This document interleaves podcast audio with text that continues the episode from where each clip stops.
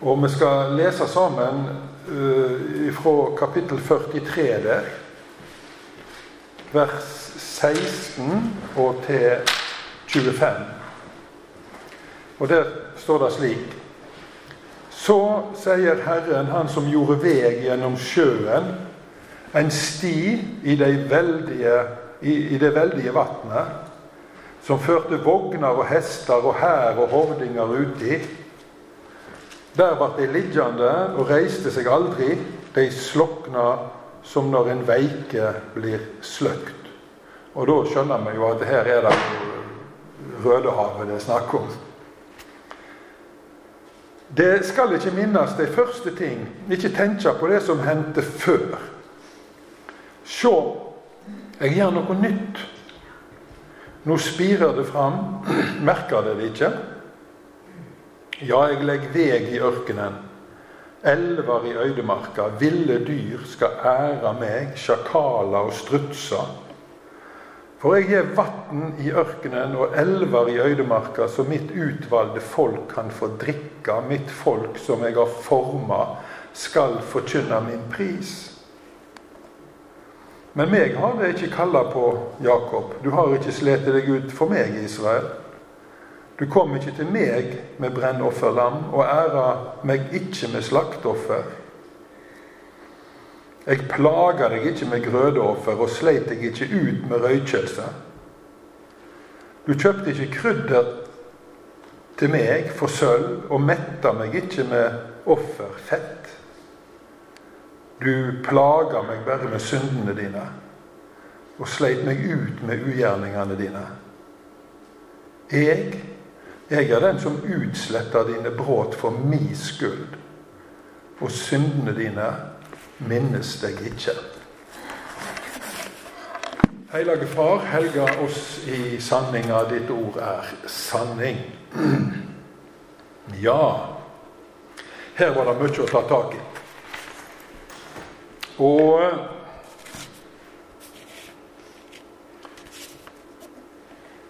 Hvis vi nå ser på denne ene setningen 'Se, jeg gjør noe nytt' så kan vi se på den ut ifra litt ulike perspektiv.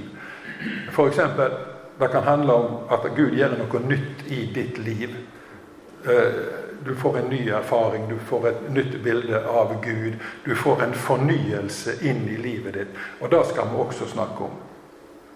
Men når Gud her sier at han skal gjøre noe nytt, så tenker han på noe helt spesielt. Han ser fram til Jesu komme. Han ser fram til at han sjøl skal bli menneske. Og gå rundt som et menneske i Galilea og Samaria og Judea.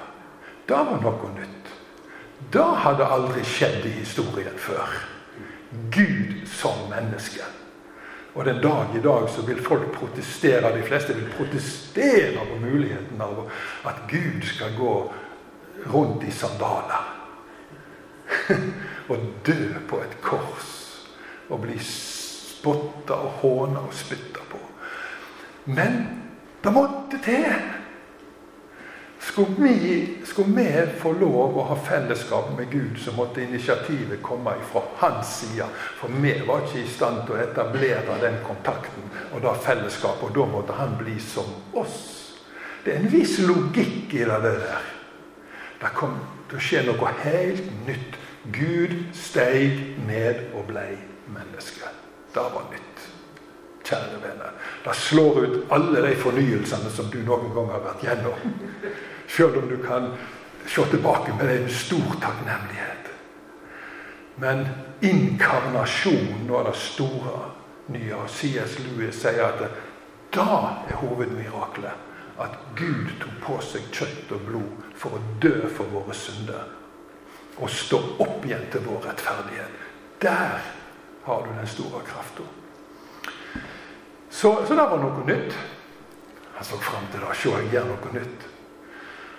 Og så er det alltid Gud som gjør det som er nytt. Han som er subjekt. Vi kan ikke fornye oss. Vi kan ikke gjøre noe nytt. Vi kan bare gjøre mer av det gamle. Det er jo det vi holder på med hele tida. Av og til så tror vi at vi har funnet på noe nytt, men så sier Gud nei, det var nå visst gjort før likevel. Bare kan vi lese Forkynneren, så finner vi ut at det er ikke noe nytt blant mennesker. Vi tror vi holder på med nye ting, og det nå en heter, innovasjon, her da, på fint? Ja ja, fint da. Men i Guds perspektiv så er det bare gamle ting vi holder på med. Men han gjør noe nytt. Han kommer med det nye, det som kommer fra himmelen. Og så det som skjedde på korset. Der skjedde det noe nytt. For der ble verden forsont med Gud. Det var nytt. Før den tid så hadde de levd i en gammel pakt, en gammel avtale, om at så lenge dere oppfører dere stort sett bra og bærer fram deres offer, så skal jeg se med mildhet på dere. Helt til det ordentlige offeret kommer, som jeg sjøl skal bære fram. Dere kan ikke bære fram noe offer som kan betale for deres synder. Da offeret kan bare jeg bære fram. Men dere skal få lov å holde på med disse tingene i en periode fram til Tida er fastsatt, tida er moden. Tidens fylde, heter det i min gamle bibeløversettelse i Galaterbrevet 4.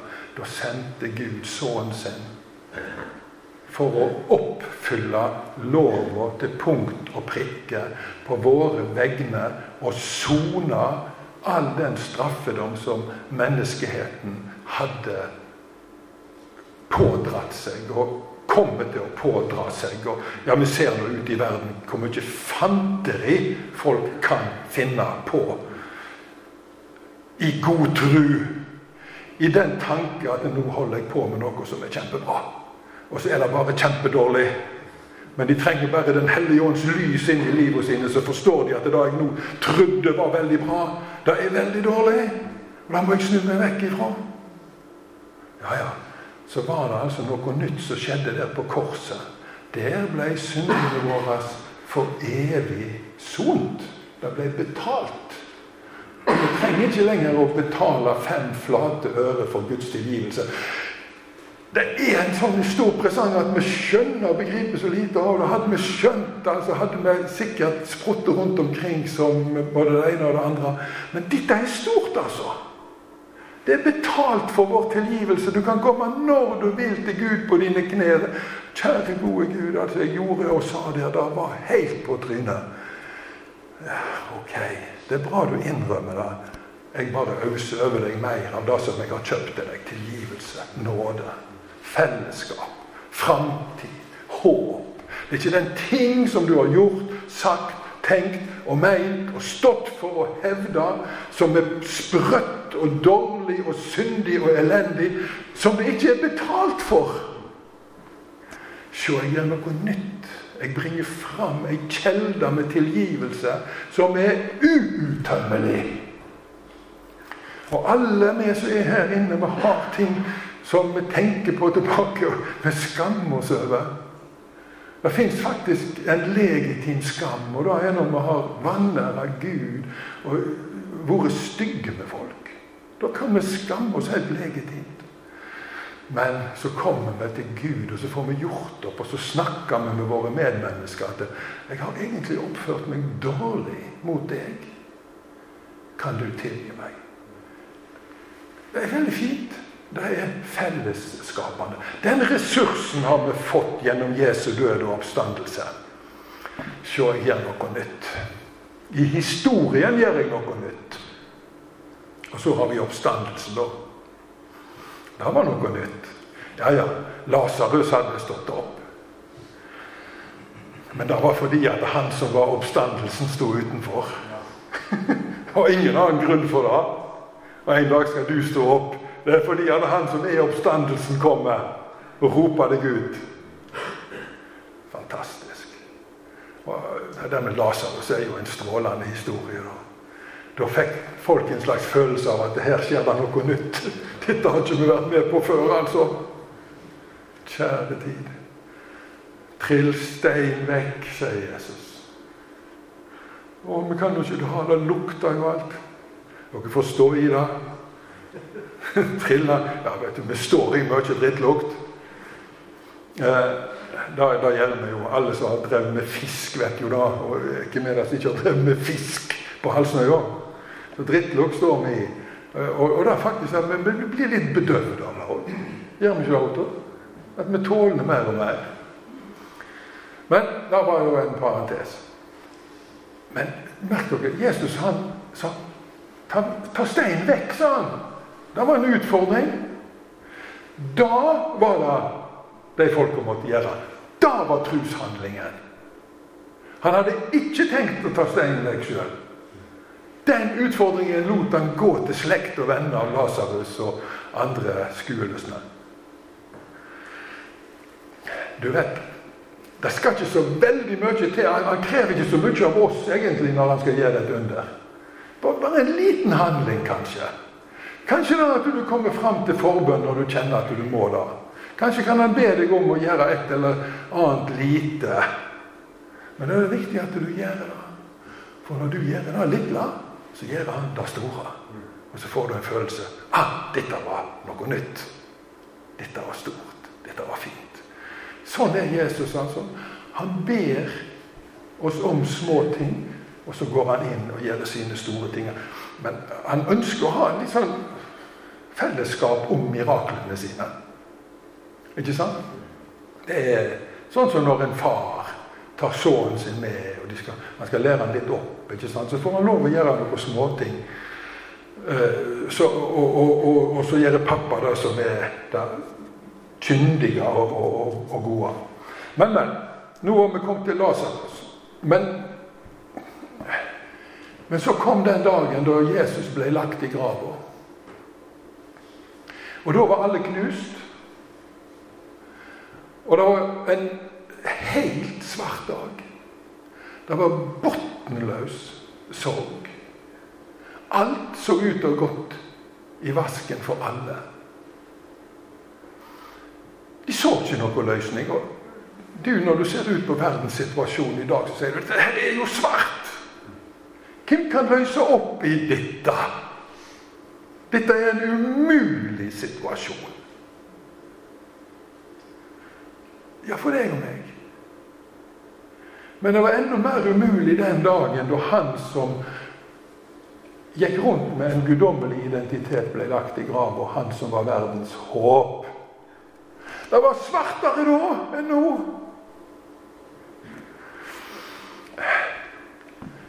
Det er ikke svart så lenge Jesus lever. Så lenge Jesus lever, så er det veldig lyst. Han er verdens lys. Han lyser inn i ditt hjerte. Han lyser inn i din forstand.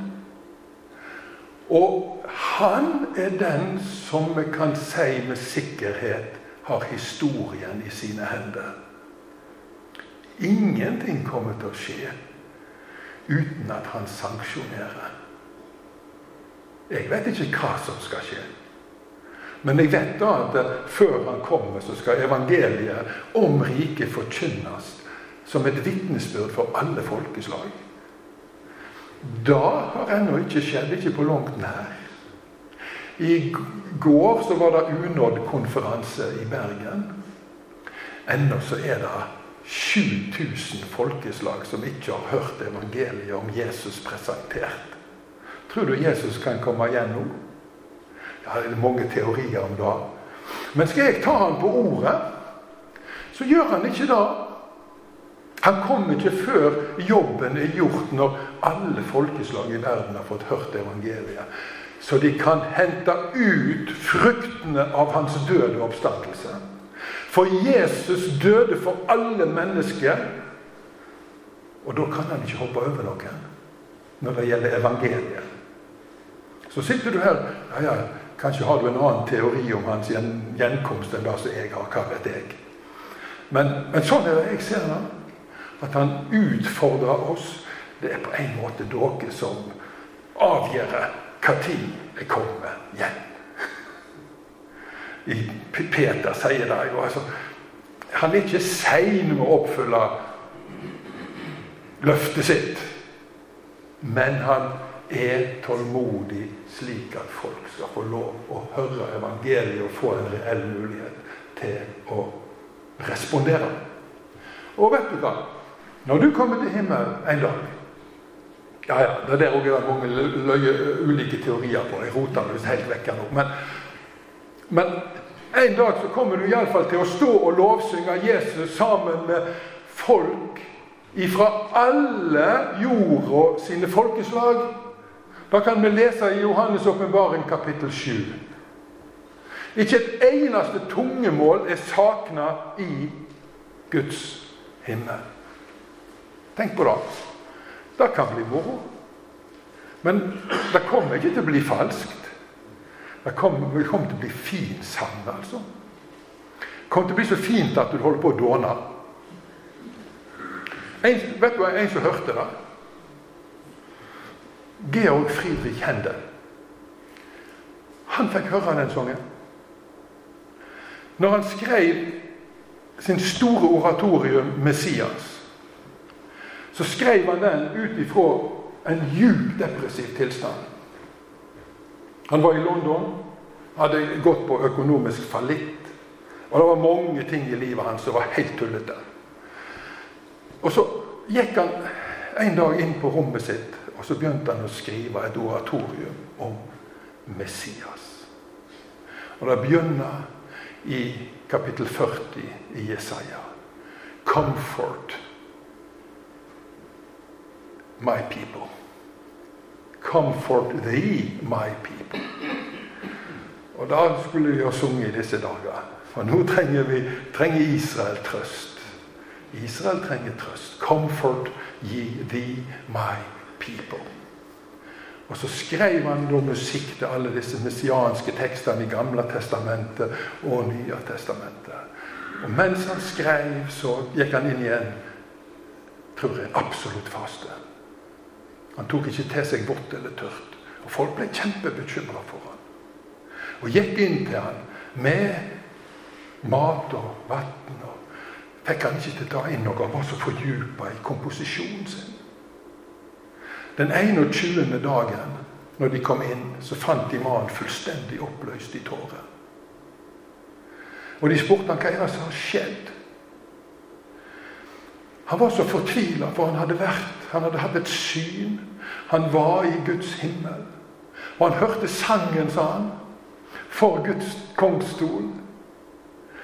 Og det var et uendelig antall med stemmer. Og jeg klarer bare å få ut åtte av dem.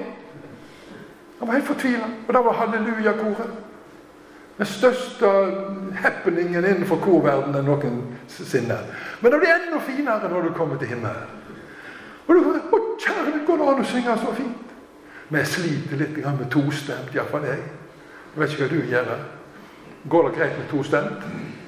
Ja, men der altså kan du ikke telle stemmene. Eh, det, det, det blir bra. Og da tenker du Herren har gjort noe nytt. Se, jeg gjør noe nytt. Det blir bra. Og da vil jeg være med på. Og da vil du være med på. Kristi oppstandelse. Ja, det var nytt. Det var sjokkerende. En engangshendelse i historien. Nå kan jeg rote meg vekk i helt andre ting òg, altså.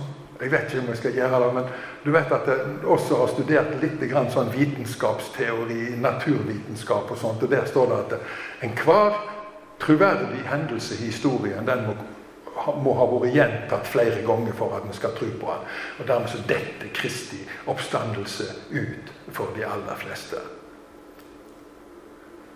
Men hør nå her. Da gjør Big Bang òg. Den har bare skjedd én gang, ifølge deres teorier. Så når dette den ut i samme slengen, så kan de ikke engang lene seg på den. Hvor skal de da lene seg, da? Nei, jeg vet ikke. De får svare på spørsmålet. For en dag for Maria Magdalena, for Peter og for Johannes. Og for alle de andre disse kvinnene, Maria og Det var vel to Maria, og så var det ei Salomi, og så var det For en dag! Og for en dag for disse Emmaus-vandrerne! Når mesteren sjøl kom og slo seg i lag med dem og gjemte seg litt og underviste dem, og de begynte å kjenne at det var et eller annet som brant her inne. De fikk ordet forkynt, og noe begynner å brenne. Og så skjønte de det er han. Han er kommet tilbake. De hadde sagt til han at du er vel den eneste i Jerusalem som ikke vet hva som har skjedd. Han var den eneste som visste hva som hadde skjedd.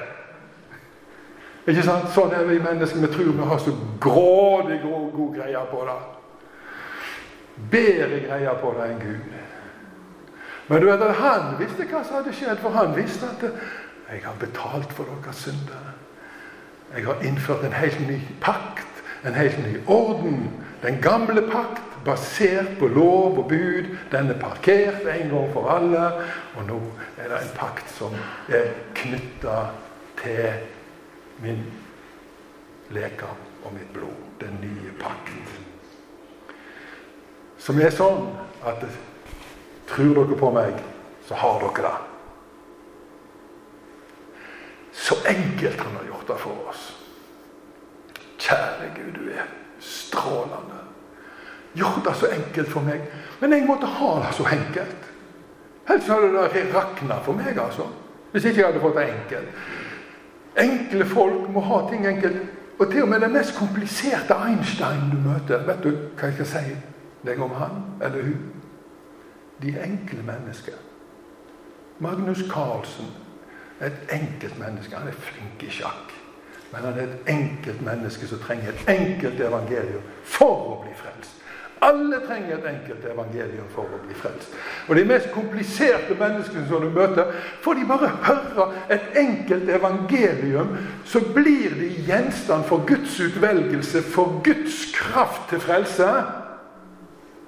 Og noen responderer på det og skjønner at her her er min redning, her er min framtid, her er mitt håp. I det enkle evangeliet om Jesus Kristus. Hans død og oppstandelse. Se, jeg gjelder noe nytt. Så mange har opplevd at det skjedde noe nytt når de fikk ta imot Jesus i sine hjerter. Og Jeg har lyst til å lese til dere. Nå har det jo vært vekkelsesluft på Vigeland, nede på Sørlandet. Og litt i Vegårshei, faktisk talt. Eh, jeg var på en sånn menighetsnettverksgreie i Imi-kirken i Stavanger på forrige torsdag. Eh, det er noen menigheter som nå slår seg litt sammen for å lage et nettverk. Folk som kjenner seg vel med hverandre at vi har litt sånn samme åndelig DNA, for å si det sånn. Vi ønsker å lage et nettverk der vi kan støtte og hjelpe hverandre. Og Da var det veldig mange fra sørlandsmenigheter som dukka opp. Eh, og det de fortalte, var jo så nydelig. De var jo smikkfulle av personlige vitnesbyrd om hva Gud holder på med på Sørlandet. Der er det folk som møter Jesus ansikt til ansikt, omtrent sånn som vi kan høre fra Iran og andre muslimske land. Eh, og, og, og, og, de hadde erfart liksom rare, mektige helbredelser. Folk som kom på møte, kom inn i foajeen i møtesalen. Så ble de helbreda når de kom inn i gangen. Uten at noen hadde bedt for dem. Uten at de hadde bedt sjøl.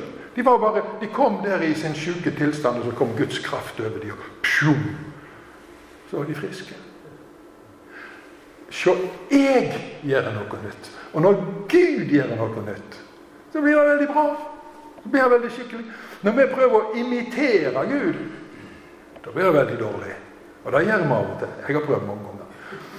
Ja, jeg skal være så ærlig. Men når Han kommer og gjør ting om ja, ja, det var noe nytt, sa han. Det er sånn, det er sånn du jobber. Ja, sånn jobber jeg, altså, sier Gud. En som heter Trygve Sånum, forteller Eh, han hadde i mange mange år slitt med trua si. Han hadde vært en truende. Men så hadde han fortapt seg inn i vitenskapelig litteratur. Jeg vet ikke om noen av dere er der, men han var der. Jeg har vært der. Det er jo veldig spennende med denne vitenskapen. Og jo mer han hadde lest, jo mer han hadde, hadde han lest på seg tvil på Guds eksistens, på Guds godhet. Og Dette var en lidelse for han, for han var oppdratt i en kristen tradisjon. Og han lurte på er jeg egentlig på vei til å bli en ikke-kristen. Men så hadde han lurt seg med på et av disse Vigelandsmøtene. Eller var, ja, og dette var etter at de hadde måttet flytte møtene fra bedehuset og til Betania, som var huset til frie evangeliske. Var litt større. Så, så står det her Dette er henta fra ei eller annen avis. Han heter Sonum. Ja, ble, han ble kristen da møtene fortsatt var på Betania, en menighet som tilhører de frie evangeliske forsamlinger. Det skjedde etter at kapasiteten på Vigeland bedehus ble sprengt. Jeg har vel alltid hatt en tro, men etter hvert som jeg ble eldre, tvilte jeg mer og mer, forteller sønnen. Rent intellektuelt kom han ikke til rette med teorier om hvordan universet ble til. Jeg snakket med en tidligere nabo. Han fortalte meg at han også hadde vært gjennom en periode med sterk tvil.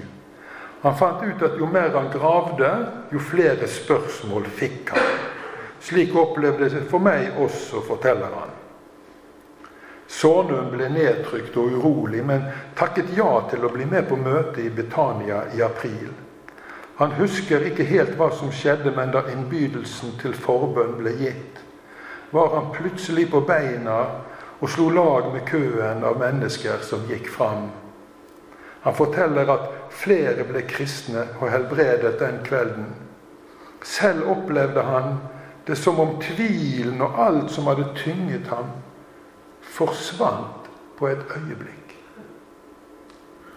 Jeg har fått et helt nytt liv, sier han i dag. Se, jeg gjør noe nytt. Og, og dette nærværet av Gud skaper nye ting i folk, i forsamlingene. Og da, Nå har vi snakket om at inkarnasjon var noe nytt. Jesu død og oppstandelse kom med noe nytt. Men ikke nok med det. Så kom pinsedag. Da kom det noe nytt. Gud hadde sagt det på forhånd at det, i, hos profeten Joel i de, i de, siste dager da skal jeg ause min ånd ut over Alt kjøtt, står det. Og vi tolker det som alle mennesker. Greit. Jeg skal ause min ånd utover alle mennesker. Fram til pinsedag så hadde ånden vært på jorda, men han hadde avgrensa litt, litt til profeter og noen truende prester og noen truende konger. Men han hadde måttet holde bånd på seg. Han holdt seg tilbake. Tida hans var ikke helt inne. Men altså pinsedag, 50 dager etter, Jesu, etter påske, etter Jesu oppstandelse, da slapp han løs. Da slapp han løs. Og så kom han som en vind. Som en mektig vind. Og som eldtunge og Så begynte de å tale i tunge, og så begynte de å profetere, og så begynte de å forkynne. Og så ble de fulle av frimodighet og guddommelig kraft. var kommet over alle truende. Se, jeg gjør noe nytt. Dette har dere ikke sett før. Moses hadde et ønske om at de, å, om alle var profeter. Det var hans ønske. I våre dager møter vi kristne sier dere må ikke holde på så mye med profeti. Dere er ikke på linje med Moses. Dere er ikke det. Dere, dere, er, dere er plassert før den gamle pakt i historien. Vi må ha mest mulig profeti. Profetiske ord. Paulus sier og skriver. Dere må jage etter de åndelige gavene. Men mest etter å tale profetisk, for da blir dere så oppbygd. Ja. I min tid så var det veldig viktig å få tungetalen. Ja, den må du få. Og vi søkte da, og til slutt så kom tungene. Men det er mye viktigere å profetere. Mye viktigere. For når jeg taler i tunge, så bygger jeg meg sjøl opp. Når jeg profeterer, så bygger jeg andre folk opp. Så dere må søke det med iver. For dette er noe som hører hjemme i Den hellige ånds verden. Og han er gitt til Guds menighet på jord. Ikke i små dråper, men som vi leste her i denne teksten, i elva. Elva av velsignelse ifra himmelen. Og Jesus sier ifra deres liv som tror på meg, skal det renne elva av levende vann. Og kjære Gud Vi ser ikke det så mye i Norge ennå. At det faktisk gjør det. For da hadde forsamlingene våre vært fulle av nyfrelste mennesker. Som kom glade inn fordi at Jesus hadde gjort noe nytt i deres liv. Men, men vi er ikke der. Men jeg har en god nyhet til, til dere og til oss. Vi kan komme dit. Vi kan komme dit. Men vi må ned på våre knær. kjære, gode Gud, vi, vi trenger at du gjør noe. nytt. Vi gjør en hel masse, men ingenting av alt det som vi gjør, kan karakteriseres som nytt. Men du må gjøre noe nytt. For du har ressursene. Du har den godheten som alle trenger, og den kraften, osv. osv.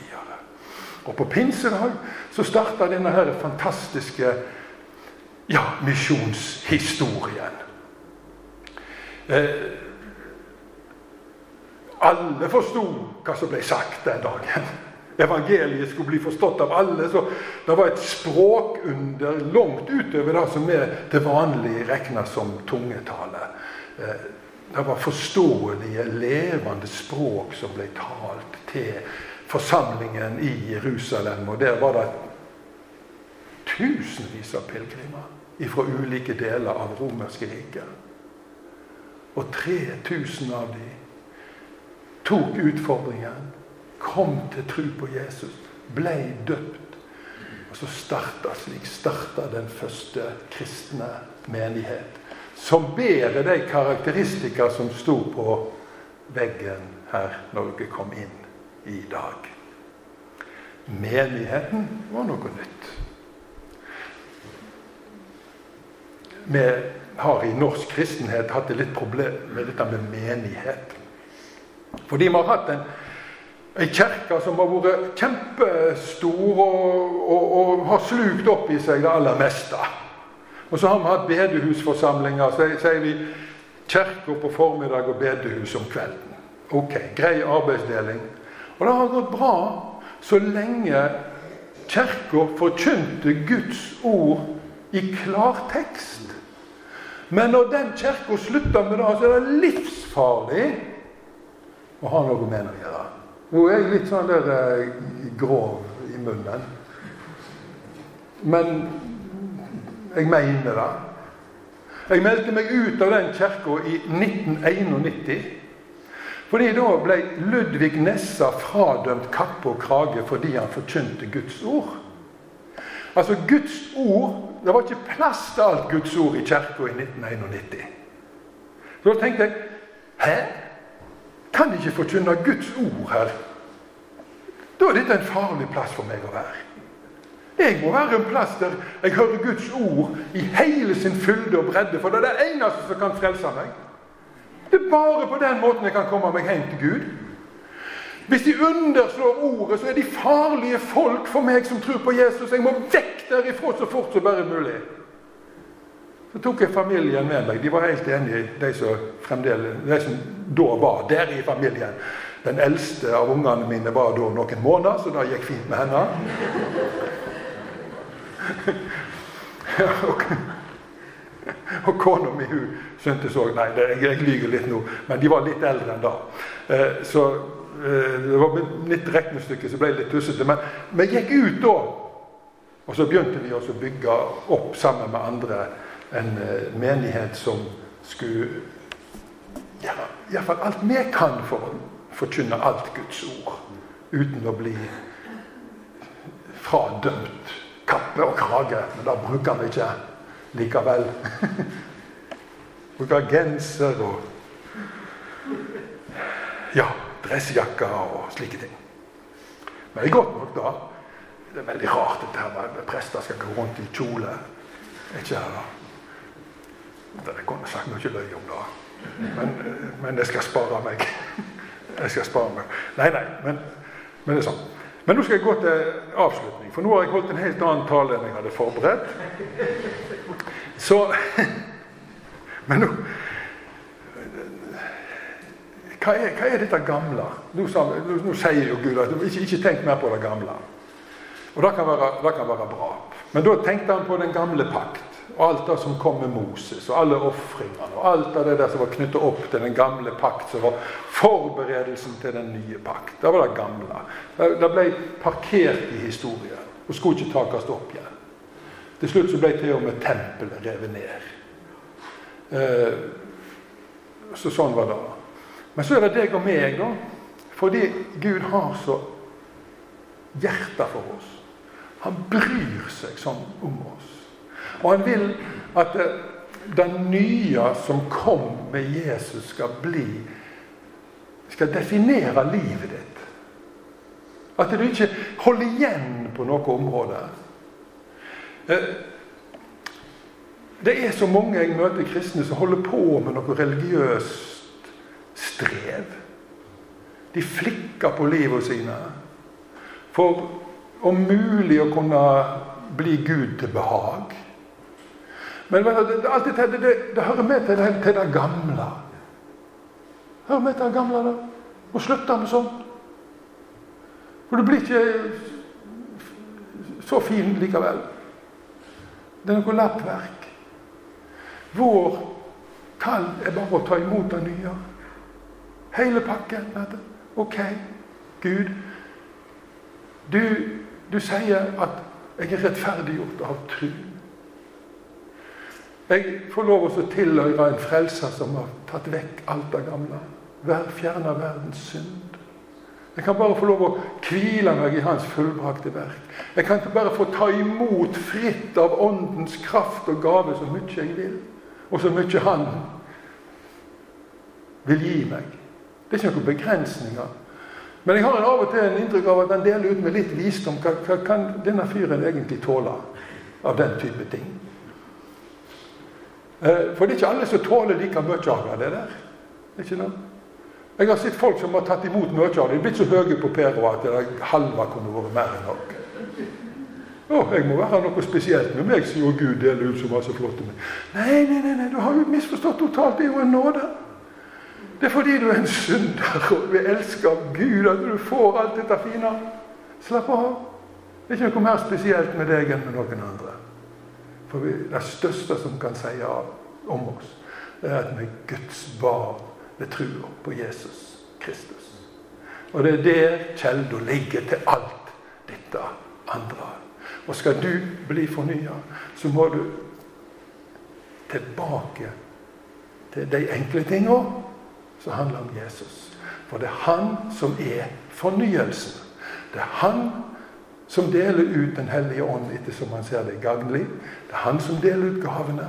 Men han deler ut alt det som du trenger av nåde og tilgivelse.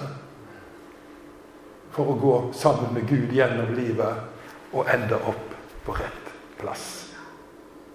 Ære være Faderen og Sønnen og Den hellige ande, som var og er og være skal en sann Gud fra Eva og til Eva. Amen.